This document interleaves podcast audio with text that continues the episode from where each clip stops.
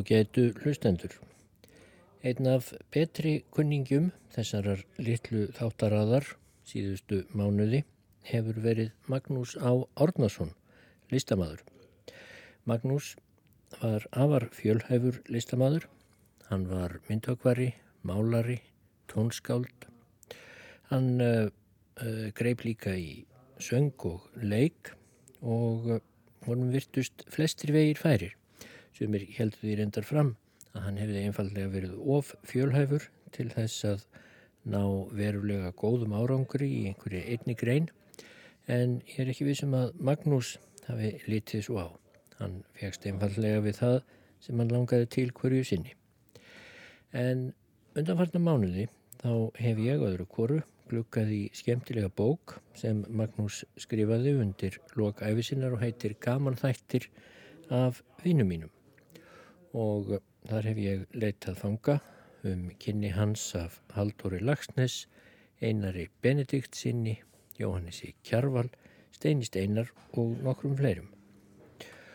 En í þessum þætti ætla ég eftir um móti að glukka í þá kabla þessarar hugulegu og skemmtilegu bókar þar sem Magnús fjallar um dvöl sína í bandaríkunum en hann fór þangað þegar hann var komin undir 30 árið 1920 eða þarum bil fór þar í listaskóla og bjó í bandaríkunum næstu 12 árin.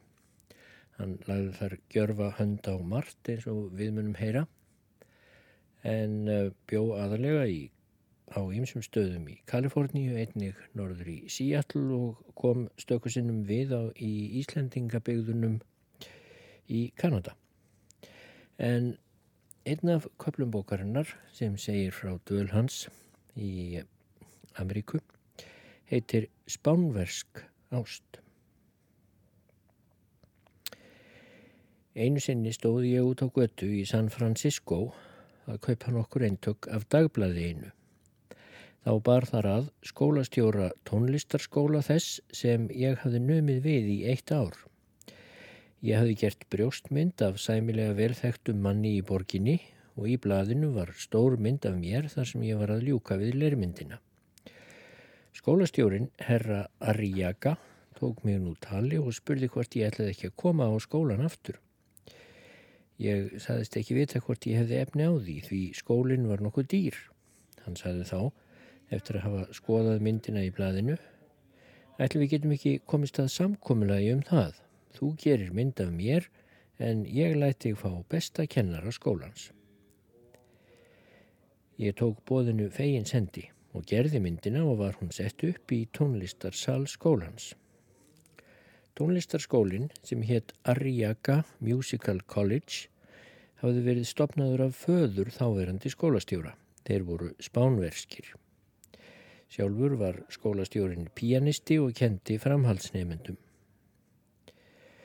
Þegar ég hafði verið nokkur tíma í skólanum í þetta skipti gerði skólastjórin bóð fyrir mig að finna sig á skrifstofunni. Erindið var einlega að leggja mér lífsreglutnar, hvernig ég ætti að komast áfram í heiminum. Mér skildist að það veri helst í því fólkið að komast inn á ríkar konur og sína þeim spánverska ást eins og hann komst að orði. En ég taldi öll tormerki á því, einhverjum af tveimur ástæðum.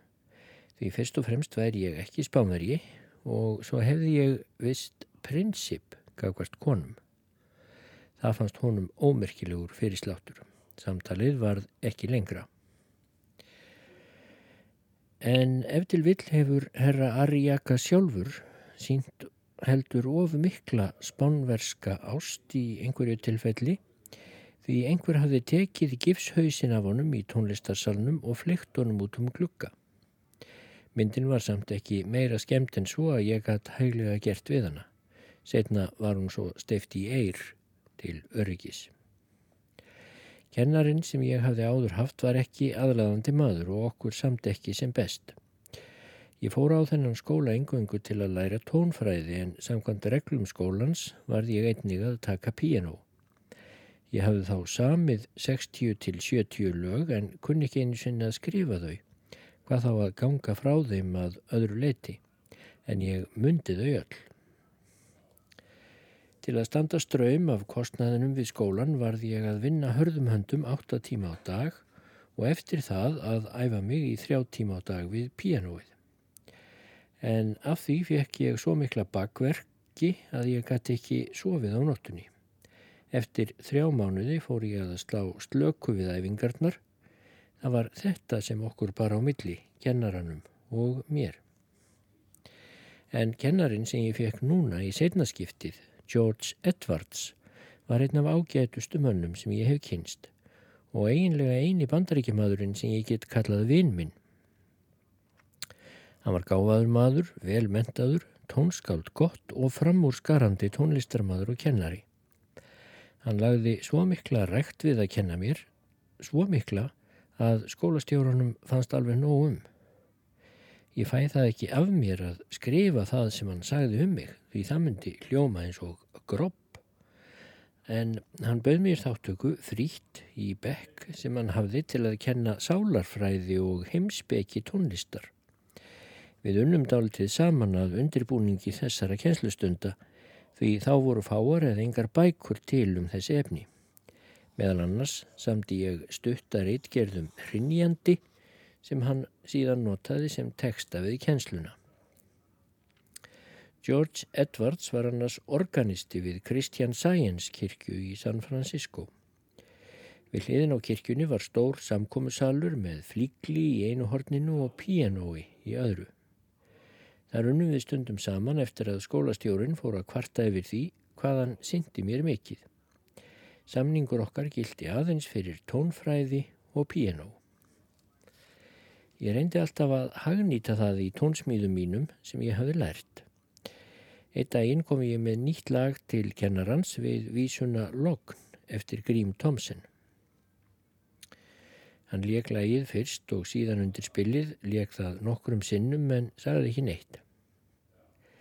Ég fór að hugsa ef ég nú gert einhverja bölvaða vittleysu. Síðan baðan mig að þýða erindið og brosti þegar komað orðunum gömul fjöll á höfði standa því það hljómar allt öðruvísi á ennsku ef það er þýtt orðrétt. Síðan leik hann lægið enn og raulaði það og loksaðan Þetta er það sem ég kalla fullkomið. Þetta lag á samtími sem öðrum var flutt á nefndatónleikum, lögin voru flest við íslenska teksta en ekki vil ég fullir það framburðurinn á íslenskunni hafa alltaf verið fallegur. Aðal söngkennari skólans, Bassi, söng sjálfur lag mitt við Hlið Helvítis úr Divína Komedia eftir Dante. En Logn hefur aldrei verið sungið á Íslandi, þótt 40 ár séu liðin síðan það var samið. Aftur á móti lék Þórhallur bróður minnað nokkrum sinnum í útvarpinu. Árið leið og því miður treysti ég mér ekki til að halda áfram á þessum tónlistarskóla en það átti tónsmíðin ekki verið annað en hliðarspor hjá mér. Þó hef ég oft sagt að ef ég mætti lifa lífi mínu aftur, þá myndi ég aðeins gefa mig að tónsmíðum. En þó ég hætti í tónlistarskólanum þá heldum við George Edwards vináttu okkar og mátti ég alltaf koma með ný lög til hans og gaggrindan mig fyr, þau fyrir mig. George Edwards var maður um færtugt, giftur fallegri konu og þau áttu indíslegan dreng þryggjára gamlan.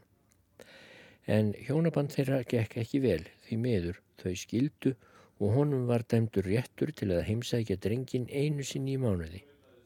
En hann elskaði barnið meira en nokkuð annað í heiminum og saknaði þess ákaflega. Eftir að þau skildu held hann til hjá kunningum sínum sem byggu skamt þar frá sem ég átti heima svo við hittumst nokkuð oft. En hann var breyttur maður og erfitt að komast í það samband sem áður hafði verið á millokkar. Eftir þriðju heimsóknina til sonarsins fór hann inn á Batherbergið þar sem hann helt til og skar sig á háls. Þetta döðsfall hafði meiri áhrif á mig og snart mig dýpra en nokkuð annað að undanskildu því þegar móður mín dó. Ég ásakaði sjálfan mig fyrir að hafa ekki þrengt mér inn á hann og látið hann segja mér alltaf létta því ég vissi af því sem hann eitt sinn sagði mér að þetta bjó í honum. En það var ekki um gott að gera, ég var mikið yngri maður og svo kemur afstæðan nefnandans til kennarans einnig til greina. Sjálfseyðing stríðir á móti eðli alls lífs en svo kvött er síki sem erfitt er að ráða við þótt telja megi að hún stafi oftast af sjúklegri sjálfsöngun ef ekki er beinlínið sem augnabliks brjálaði að ræða. En ég var fyrir ákaflega enkennilegri reynslu í sambandi við þetta aðtök og segi frá því hér hvort sem menn trúa því eða ekki. Frá því ég frétti af andlátinu, ég þór ekki að fullir það að hafi byrjað áður, þótt mig minnið að, þá heyrði ég tónlist eins og stór symfoníuljómsveit verið að leika dag og nótt í heila viku eða eins lengi og ég vakti og ég býst við að hún hafi haldið áfram meðan ég svaf. Þessi tónlist sem ég heyrði var dásamlega falleg eins og hver sinfonían tæki við af annari. En í gegnum tónlistina heyrði ég vinn minn stinja, þungt og sárt í fyrstu en hægðist eftir því sem á leið. Um leið sá ég hann mjög greinilega þar sem hann lá í breyðum legubekk inn í turni sem stóð á hári hæð. Turnin var opinn upp eftir og byrtan mjög þægileg, á gólfinu voru þykk teppi svo að ekkert heyrðist eða gengið varum. Í kringum hann sveimuðu kvítklættar verur sem virtust vera læknar og hjúgrunarkonur. Ég vissi því að vinnur minn var í góðum höndum. Stóri Koppi Jakob Bjarnason sem Íslendingar kalluðu Stóra Koppa og bandaríkjumenn Big Jake var lögreglithjóðn í Seattle í Washington ríki um langt árabil. Hann var undirfóringi í lögreglulíðinu. Hann var eins og nafnið bendir til stórmaður, sex fett og fjórir þumlungar á hæð eitthvað um 1,87 cm, hálstuttur og herðabreiður. En svo stór sem hann var, þá voru fætur hans og hendur enn stærri að tiltölu. Ég gerði gifsafsteipu af hendi hans og fæti því hann varð að láta gera sér skó og hanska eftir máli. Hann gætt hæglega hulið báðar hendur mínar í sinni stóru hönd.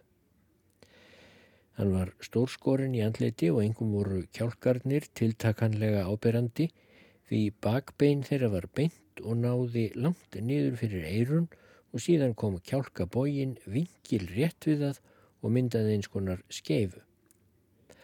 Þetta virtist vera ættarengjani en var þó meira áberandi á honum en öðrum ættmennum hans sem ég hef séð. En þó að stóri Jakob væri stórskorinn Þá var svipurinn þó góðlegur og hann bauð af sér hinn besta þokka. Jakob var gamansamur og þegar bandaríkjamaður spurðan hvort Íslendingar væru yfir leitt svona stórir þá svaraði hann uss, nei, blessaðu verdu, ég var svo lítill heima að ég sár skammaðist mín og fór þess vegnað heiman. Jakob var sérlega músikalskur, hafði góða bassarödd og kom oft fram sem söngvari bæði meðal Íslendinga og í alls konar félagskap vestra. Hann valdi sér ofti lítil og þýð lög til meðferðar þótt mér finnist im tífen keller hæfa rött hans betur. Hann leik sjálfur undir á piano þegar hann var að æfa sig og það var alveg ótrúlegt hvað þessi stórskortni maður gæt náð þýðum tónum úr hljóðfærinu með sínum risastóru fingurum sem alla komist fyrir á tangentunum. Jakob var hinn mesti höfðingi heimasækja og nöyt ég gestristni hans í langan tíma í tvö skipti eins og reyndar margir aðrir. Jakob var ókvæntur en sýstir hans sem var ekki með unga dóttur var ráðskona hjá honum, myndarleg húsmóðir og jafn gestrísin og bróðurinn. Hún hétt Guðrýður en þar vestra gekk hún undir nafninu Grace Ryan. Gunnar Mattíasson sem var mikill vinur Jakobs og söngfélagi saði mér sögu af bardaga sem Jakob hafi lendi í fyrstu árin sem hann var laurugluþjóðn. Fjórir gríkir hafði lendi í slagsmálum inni á knæpun okkuri og Jakob var sóttur til að stilla til friðar. Þegar Jakob kom inn hættu gríkirnir að berjast sín á milli og réðust allir sem einn gegn lauruglu þjóninum. Eitt þeirra barði hann í höfuðið með flösku en þá tók Jakob upp kilvuna sína, barði tvo þeirra í rót en tók hina tvo sinnundir korn handlegg og bar þá niður á lauruglustöðina. Það hafði verið sjón að sjá, var mér sagt, þegar tröllið kom með hinn að tvo spriklandi grikki sinnundir korum handlegg og blóðið lagaði úr höfuð sárinu niður á tær. Einhver hagirðingur gerði skemmtilegan bragum þennan bardaga sem Gunnar let mig einning heyra. Þessi bragur þyrti að koma fram og nákvæmari lýsing af viðrögninni en mér rund að gefa þar sem ég er þriðji maður til frásagnar. Það var heldur óskemtilegt fyrir Íslendinga sem fóru að heiman til bandaríkjana og meðan fyrri heimstyrjöldin stóði yfir og árin þar á eftir, eins og ég gerði, að hitta vestur Íslendinga. Stríðsæðið hafði gripið svo um sig meðal þeirra og þeir höfðu þá hugmynd að Íslendingar fylgdu þjóðverjum að málum, þar að segja óvinum kanadamanna sem verið höfðu í stríðinu. Ég býst við að það hafi nú skipst í tvö horn. En þó hefðu það svo sem ekkit verið óeðlilegt þótt Íslendingar hefðu haft meiri samúð með þjóðverjum þá. Við landin hefur alltaf talið það skilt að vera vinur vina sinna. En þýskir ferðamenn og fræðimenn höfðu framan af völdinni sínt landi okkar og málefnum okkar meiri áhuga en flestir aðrir. En af þessum sökum fyltust vestur Íslendingar andúð gegn sinni gömlu þjóð og öllu því sem Íslenskt var.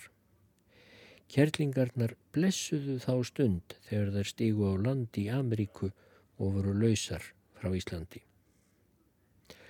Og því miður lendi ég í hatrömmum deilum sem sprotnar voru af þessu í bæðiskiptin sem ég var gestur stóra koppa. Í fyrra skiptið var það mektarmadur frá Winnipeg, þar sem Íslendingar voru einna fjölmennastir, sem við getum kallað Jón, maður sem fór heim til Íslands á hverju ári og var auðfúsu gestur meðal höfðingjana í Reykjavík. Jakob Bjarnason sló upp miklum fagnaði fyrir þennan mann, svo húsið var það næstum fullt af fólki, konum og köllum. Jón var þá nýkomin að heiman og hafði frá mörg að segja. En allt var það skellt og afskremt og reynd að gera Ísland og Íslendinga eins skoplegt og und var. Ég var stórlega undrandi við þessu því ég vissi ekki betur en þessi maður fengi hinnar aðlúðulegustu viðtökur í hvert sinn sem hann kom heim til Íslands. En í þetta sinn hafði vist verið tekið heldur döflega í einhver fjárrabla plön hans og það setið svona í honum. Jón var ættaður á norðan og að lokum sagðan ferðasöguna þegar hann fór að vitja eskustöðana. Hann sagði mjög greinilega frá hverjum bæ þar sem hann gisti á leiðinni, nafngreindi og ættfærði fólkið og lísti því síðan hvernig heimasæturnar komi í röðum upp til hans, upp í til hans á hverjum gististað. Þá gati ég ekki lengur orðabundist. Jón hefur að vísu verið farin að finna á sér þegar þarna var komið sögu en þetta þótti mér oflangt gengið undir hvaða kringumstæðum sem væri. Ég reyndi að leiðrétta mestu míshermin og öfgarnar en svaraði hún mannars í sama dúr og hann hafi notað og skopaðist að fjárabla plönum hans. Það lokum saði ég, Jón Jónsson er vissulega allra snotrasti maður þó hann sé nú af æsku skeiði en ég vil leifa mér að spyrja konurnar sem viðstattar eru Mundu þið hátta hjá honum Jóni í fyrsta sinn sem þið sæjuðan? Þá reyttist Jón flúði út í eldhús til ráðskonunnar og kvartaði við því að það væri verða nokkuð heitt hjá þessum unga manni þarna inni.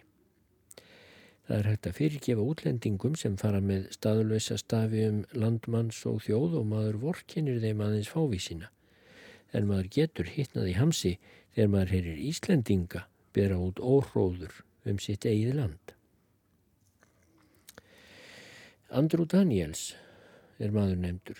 Hann var fylgisþingmaður í Washington ríki og friðdómari í bæsínum Blaine og hann var máttarstólpi annars íslenska safnaðarins í sama bæ. Áður hafa hann verið bílstjóri og ekkið bíl sínum millir Blaine og Bellingham og kemur það við sögu hér síðar. Svo atvinna var kölluð að vera jitney driver og þótti ekki vegleg staða. Andrew Daniels og kona hans voru nýkomin úr ferð að heimann og komin nú í heimsókn til Seattle. Jakob Bjarnason sló upp vistlu fyrir þau, höfðingin sem hann var. Tólf manns munu hafa verið við borðið en þar sem þetta var háttegisbóð á rúmhelgum degi urðum við ekki nema þrýr karlmenn hitt allt konur. Máltíðin stóð að minnstakosti í tvo tíma. Andrú Daniels hóf þegar ferðasöguna og endist hún næstum alla máltíðina. En flest var þar á sömu bókina lært og frásögn Jóns sem að framann getur nema það var heldur lákúrulegra og skorti það skop sem Jón hafði þó reynd að setja í frásögn sína. Gestinnir við borðið tóku því öllu vel því það sannaði aðeins og styrti þá anduð sem þeir höfðu alið með sér hvart landi sínu Íslandi. Engum gekk Jakob ötullega fram í að íta undir andrú að mála allt Ísland sem allra svartast. Þetta mun hafa verið kringum 1924. Ég var þá búin að vera tæp 6 árað heimann en ég fekk blöð, bækur, tímaritt og bref stundum og fylgdist því vel með öllu.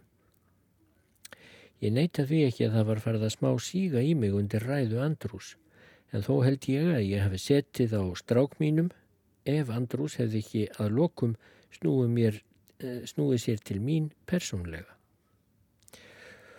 Og svo eru það skáldin og listamennir á Íslandi, sagðan, það er allt og mikið á þeim. Hér er nú eitt þeirra, hvað segir þú? Fram að þessu hafði ég ekki sagt eitt einast orð en nú tók ég til máls og talaði stanslaust í 20 mínútur og leti ekki tröfla mig hvað sem á gekk. Ég reyndi að rekja fjärstæðurnar lið fyrir lið. Þarna var stúlka nýlega komin að heimann, Solveig, dóttir Guðmundar Björnssonar landlæknis. Ég veitnaði stundum til hennar til að fá staðfestingu á því að ég færi með rétt mál og nú færiðist líf í tuskurnar eftir því sem leið á ræðu mína. Jakob og Andrú ættu kringum borðið, Jakob skálmaði laungum skrefum og barði saman sínum stórum nefum en Andrú sem var fremur lítill maður trítlaði allt í kringum hann. Konurnar flúðin í eldhús en stóðu þar á gæjum og fylgdust með öllu. Að lokum snýri ég mér persónlega til þeirra Jakobs og Andrús eins og þeir hafðu gert við mig og talaði þeirra vestur íslensku málísku. Þú, Jakob, hefur verið plain please maður í Seattle í 20 ár og þú, Andrew, varst jitney driver á milli Blaine og Bellingham í 13 ár. Hvað hafið þið að kenna Íslendingum? Eftir kostina þessu öllu saman örðu daltið skemmtilega. Meðal gestana var Ragnæður, fætt Sóeka, hálsistir valgerðar konu Einars Benediktssonar skálds, myndarleg kona nokkuð fasmikil. Dægin eftir ringd hún í mig og bað mig að finna sig. Þegar ég kom að dyrunum, sagði hún og var þykju þung. Kondu hérna Magnús, ég þarf að tala við þig, en ég ætla að láta þið vita það strax að ef þetta hefði komið fyrir í mínum húsum, þá hefði ég vísað þér á dyr. Við settumst inn og rættumst við langa stund og drukkum kaffi. Ragnhildur játaða lokum fyrir mér að hún hefði ekki fylst með neinu heima á Íslandi í 20 ár og gæti því rauninni ekkert sagt um hvað hæft hefði verið í sögum þeirra tvímenningana og gæti allt eins tekið marka á því sem ég sagði. Við skildum sem bestu vinnir. En Andrew Daniels þurfti að skreppa til Tacoma sem er borg 40 mílum fyrir sunnans í all. Hann ætlaði einn í bíl sínum og bauð mér að koma með sér og nú bjóst ég við fjörugur yfrildi. En það fór á annan veg. Við töluðumst við í mesta bróðerni og hann sansaðist á allt sem ég hafi sagt og að lokum sagðan á þínum aldrei hefði ég hagað mér alveg eins og ég virti það við hann. En Jakob vinnur minn, stóri koppi, átti erfiðast með að fyrirgefa mér. Kom þar margt til, greint hans og svo móðguninn að hafa kallaðan Plain Policeman þar sem hann var nú undirfóringi í laurugluliðinu. Jakob var ákaflega vinsælmaður, jafn meðal burgeisa sem meðal almennings þar sem hann starfaði. Allstaðar var honum hilsað hvar sem hann kom því allir þekktu Big Jake eða Stóra Koppa. Hann þurfti stöðugt að æfa sig í skotfimi en aðeins einu sinni á langri starfsæfi hafði hann þurft að grýpa til bissunnar í raun og veru. Þá hafði hann staðið innbrottsþjófað verki og varðað skjótan í löppina til að ná honum. Einu sinni fór ég með Jakobi í lögreglu réttin. Hann hafi tekið þjóf fastan kvöldið áður og þurfti að standa fyrir máli sínu. Jakob talaði mjög blátt áfram og rakti atbyrðin en þjófurinn saðan ljúa. Þá sagði dómarinn við lögreglu réttin. Ég hef þekkt Bjarnason í 20 ár og aldrei vitað hann segja ósatt. Ég er því hrættur um að ég verði að taka orð hans fram yfir þín. Jakob varð ekki gamal maður. Hann gekk með magasár og varð bráðkvattur. Jarðarför hans var svo fjölmennasta sem þá hafi færið fram í Seattle. Áætlað var að 2000 manns hafi verið viðstattir. Ég er ekki að dæma vestur Íslendinga þó ég segi frá þessum atveikum en þau komu róti á hugan óneitanlega og sitja fast í minningunni. Sjálfsagt hefur aðstaða Íslendinga, afstaða Íslendinga þar vestra breyst og andúð þeirra horfið þegar stríðsæðið rann af þeim. En ímsa gamla menn hitti ég sem farið höfðu sár nöyðugir að heiman og áttu vissulega óljúvar og jáfnvel sárar endurminningar um landsitt og þjóð. Sumir þeirra fylgtu hugsin besku og ólu á henni til þess eins að geta unað því hlutskipti að eigða allri æfinni í vesturheimi.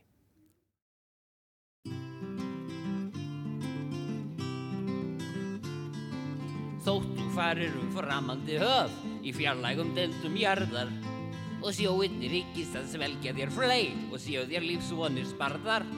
Á einstu stund ertu halaður upp, hinnir þá dýna hver sér, því þótt þú gleymir Guði þá gleymir Guð ekki þér.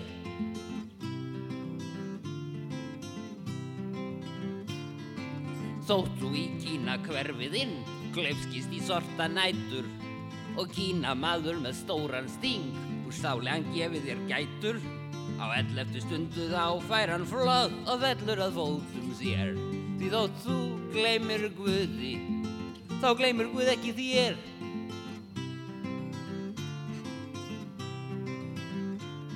Þótt bara á pattan missir þú miðilinn þinn sem eimáttir við að sjá af og allt renni eftir einni slóð út í yðildýfsta haf. Í krísunni vitrast þér andar per esp, óvígur hjálpræðis her. Því þótt þú gleymir Guði, þá gleymir Guð ekki þér.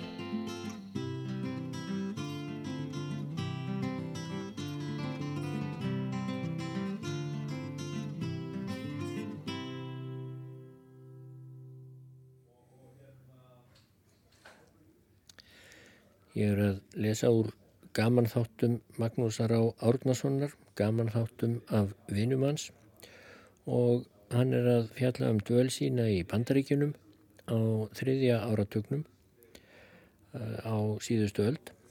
Og næst segir frá Emil Wolters.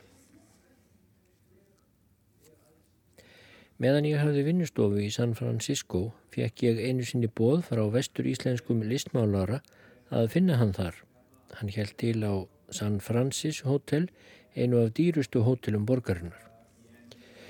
Ég fór, þessi vestur íslenski maður hétt Emil Walters.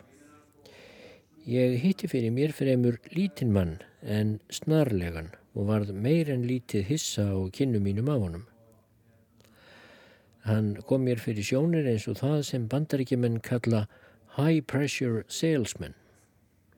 Hann talaði yfir mér í halvan annan klukkutíma, sagði mér æfisögu sína eða minnstakosti frá því hvernig hann varð frægur og hvernig hann færi að því að selja myndir. Um það leiti sem Emil var að ljúka námi á listaskóla einhver staðar í bandaríkinum, við minnir að það hafi verið í New York, Þá kom Theodor Roosevelt, bandaríkjaforsetti á fund kennara Emils og baðan að gera mynd af æskuheimili sínu. Kennarin sem auðvitað var frægur maður þótt ég mun ekki nafnans máttu ekki vera að því að gera þessi mynd eða nefndi ekki að sinna því en sagði fórsetanum að á skólanum væri ungur maður Emil Wolters að nafni sem geti gert þetta með mestu príði. Og það varð úr. Emil gerði myndina sem auðvitað tókst vel, meira þurfti ekki með. Hann var orðin frægur maður.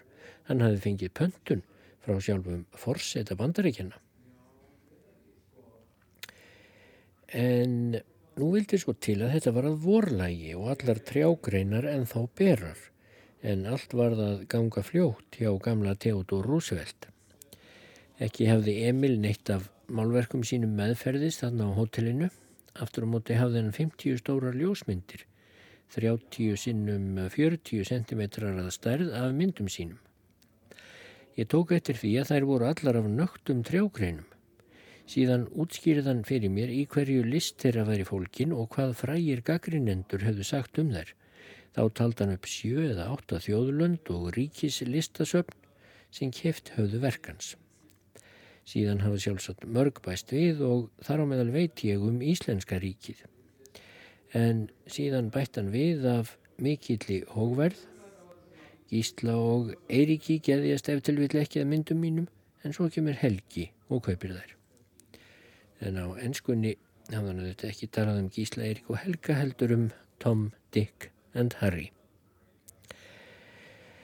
En síðan saði Emil mér frá því hvernig hann bæri sig að þegar hann værið að selja myndir. Hann gerði myndir sínar í þremur stærðum og hefði þrjá forláta ramma með gleri til að stinga þeim inn í. Svo stilt hann myndunum upp á trönur og kætti þess vandlega að byrtan fjalli sem best á þær. Mér virtist Emil Walters heldur innfaldur maður en svo kemur líka til álita uppeldi mannsins og bandarískur hugsunarháttur auðvitaðir framleiðisla listamanna söluvarningur sem þarf að komast á markað. En ég hafði ekki vanist og hef ekki vanist síðan svona sölumennsku með listamanna. Ekki hef ég hugmyndum hvers vegna maðurinn var að segja mér allt þetta. Nefn hafi viljað kenna yngri bróður í listinni hérna réttu aðferð. Ekki myndist hann á að líta inn á vinnustofuna hjá mér eða ég kynnti hann fyrir öðrum listamönnum í San Francisco en auðvitað þekkti ég fjölda þeirra þar sem ég var búin að starfa svo lengi í borginni. Að lokum saðist Emil allt vilja fyrir mig gera og það var mjög vel bóðið en svo bætt hann við með mikilli áherslu nema lánaðir peninga. Ég fullvissaði hann um það, ég myndi alls ekki byggja hann um lán en það hefði ég ekki byggðið um þetta samtal okkar heldur hefði hann gert bóð fyrir mig. Sumarið 1930 var ég einhver tíman á gangi í Östurstræti í Reykjavík, til tullega nýkomin heim til Íslands og mætti þá Emil Walters. Hann hilsaði mér bladskellandi með miklum fagnadarlátum. Ég tók hverju hans heldur þurrlega. Ég var hissa á því að hann skildi yfirleitt ekki mig aftur því kynni okkar hafði ekki verið önnur en þau sem að framann er líst. Hann saði mér þá að veðrið væri gott Ég samþýtti það og kvatti. Nokkrum árum setna átti ég erindi á skrifstofu Haralds Árnasonar Kaupmanns. Það er gott þú komst, sagði Haraldur, því hér er maður stattur sem langar mikið til að hitta þig. Nú, hver er hann? Emil Walters. Og þá sagði ég, nei takk. Og þá segir af Yun Ji. Yun Ji var einhver indislegasta sál sem ég hef nokkur tíma kynst. Hann var svo saklaus og góður að ég held að hann hafi ekki átt neina ljóta hugsun til. Hann var kínverskur listmálnari, ættaður frá Kanton. Hann hafði numið list sína bæði í Kanton og San Francisco á sama listaskólanum og ég hafði gengið á áður og lært hjá sama kennaranum og hætt hjá honum af sömu ástæðu og ég. Spencer Mackay var góður málari en sem kennari hafði þann galla að menn urðu að gera eins og hann gerði en Gorki Jön J. nýja ég ætluðum okkur að verða bergmál af Spencer Mackay. Annars var list Jóns miklu fremur vestræn en austræn þótt uppbrunnin leindi sér ekki í vinnubröðum hans. Jón hafði látið skýrast til kristinar trúar en eins og hjá mörgum asískum trúskiptingum voru umskiptin í því fólkin að þeir bættu við þremur guðum í guðatölu sína. Eingiðinu Júðska, Jésu Kristi og Marju mei og eftirvill djöflinum líka. Jún var mjög vel að sér í austurlenskum fræðum, buddhisma, taoisma og engum í konfúsíasma og talaði miklu meira en þau fræði en sína kristnu trú. Hann var einnig mjög vel að sér í klassískum bókmyndum þjóðarsinnar. Kom það engum skýrt fram þegar við fórum í kynverska leikúsið í San Francisco því þá þuldan mér efni hinn að klassísku leikrita frá upphafi til enda. Jón hafði auðvitað útlitt síns kynþáttar, svart, stríkt hár, fremur látt enni, augun daldið skásett, gulleitur á hörund, fremur lítill, hálstuttur en nokkuð þrekinnum herðar. Hann var svo lítillátur, ljúfur og góður að ég held að öllum hafi þótt vandumann sem kynntust honum. Kínabær eða Kínakverfið í San Francisco er daldið einkennilegt fyrirbæri. Þar byggu þá 15.000 kynverjar að talið var. Þeir óttu stundum í ættavígum sem bandaríska lauruglan réði ekkert við og gæti ekki stöðað. Þessi Kínabær var talinn kynverskari en til dæmis Shanghai á Kína sjálfu.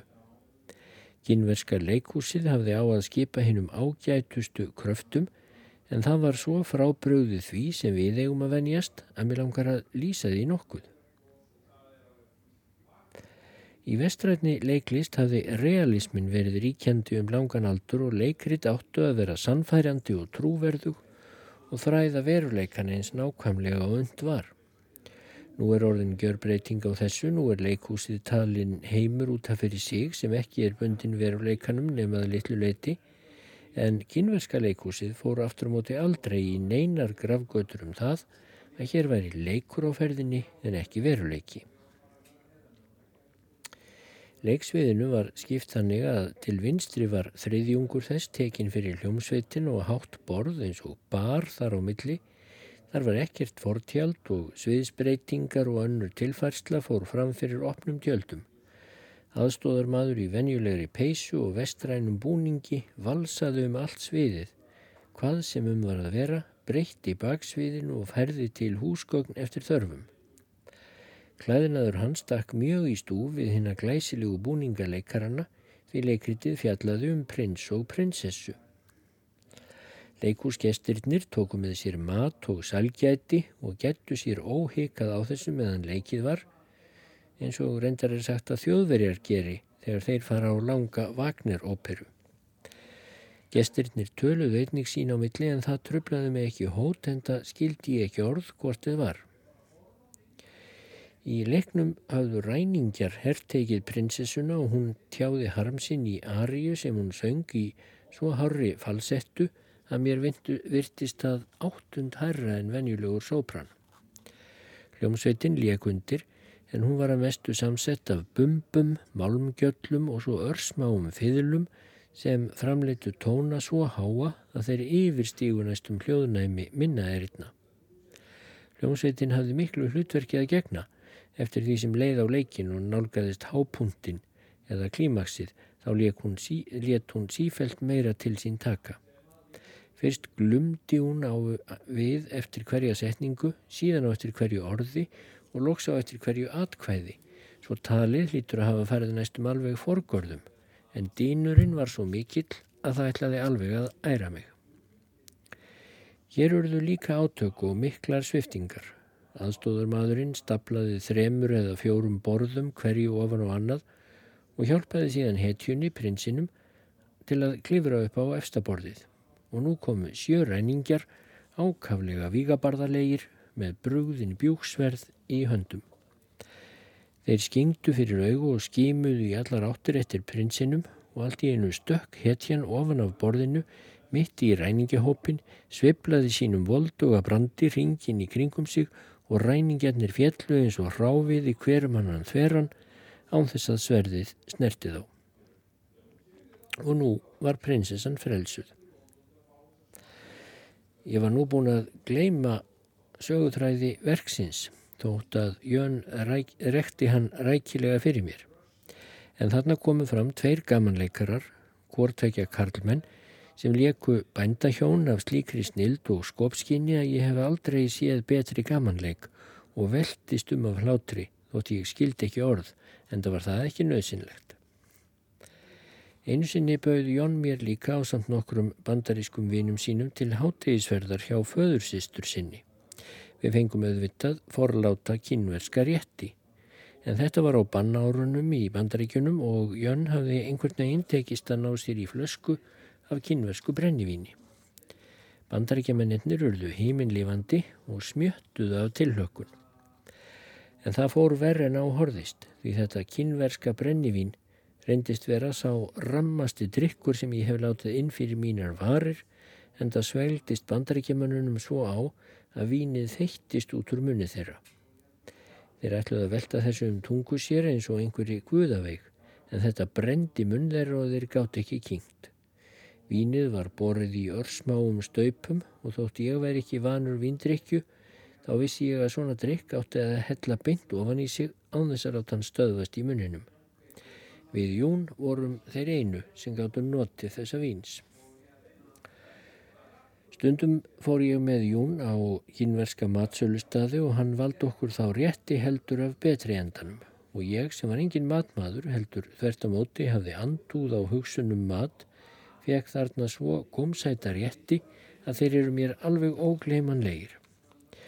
Engum minnist ég sósutegunda sem voru eins ljúfengar að sínu leiti eins og hinn ágætasti líkjur.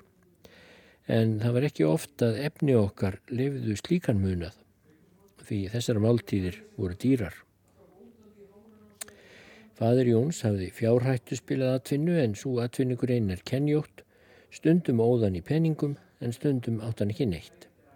Þetta kom fram við Jón þótt hann virtist aldrei líða skort beinlýnis. Móður Jóns var í kanton og saknaðan hennar mjög eins og skýrt kom fram í einu af málverkum hans.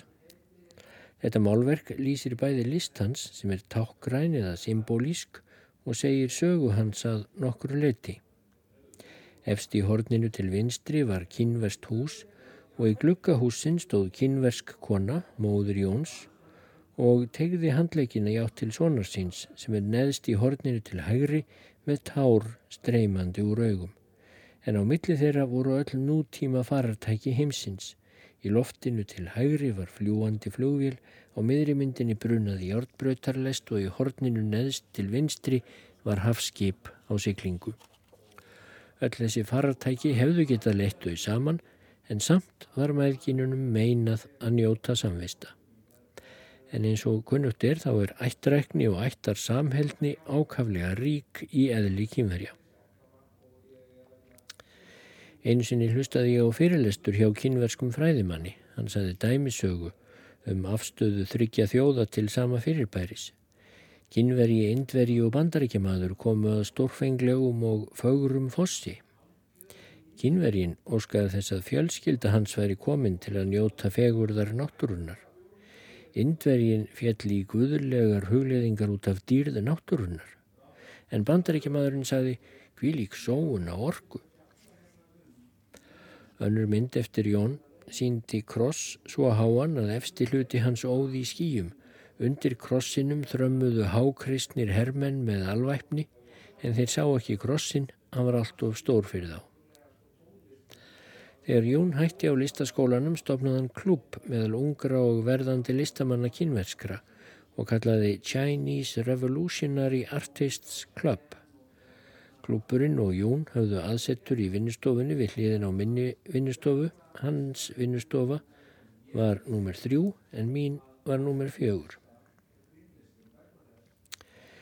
Láreglunni í San Francisco skildist það aldrei að hér var um byltingar sinnaða list að ræða en revolutionary í heiti klúpsins vísaði ekki til stjórnmála.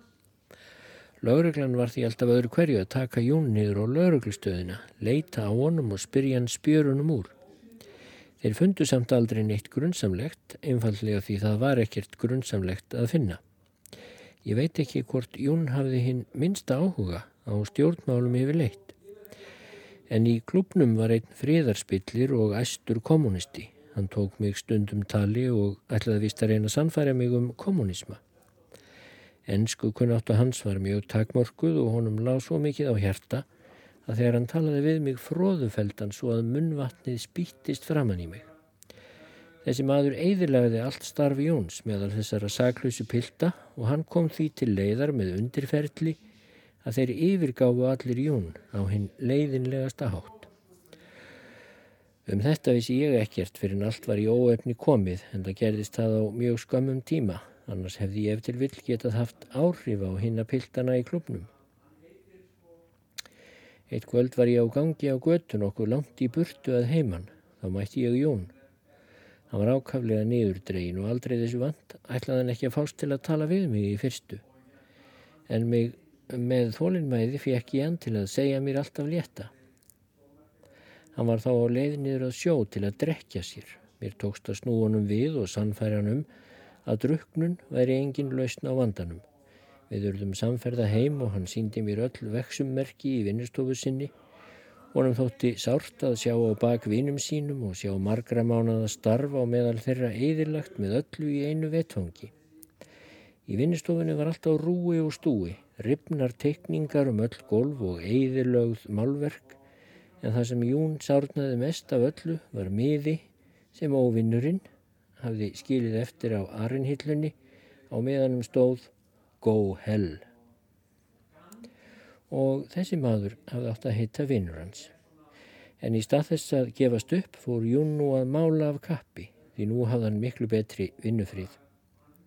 Nokkru mánuðum setna fór hann til New York og Parísar og helt þar síningar og hlaut hérna ágætustu dóma á báðum stöðum. Ég fekk frá honum hinn elskulegustu bref meðan hann var á þessum stöðum, skrifuð á hans indíslega barslegu ensku þar sem einlægnin skein úr hverju orði. Eftir ég fór frá Kaliforníu sleiti ég öllu sambandi við kunningja mína þar, skrifaði engum og svaraði ekki brefum. Mest sé ég nú eftir að hafi ekki haldið sambandi við Jún Chi og nú veit ég ekki einu sinni hvort hann er lífs eða liðin og þannig var nú það.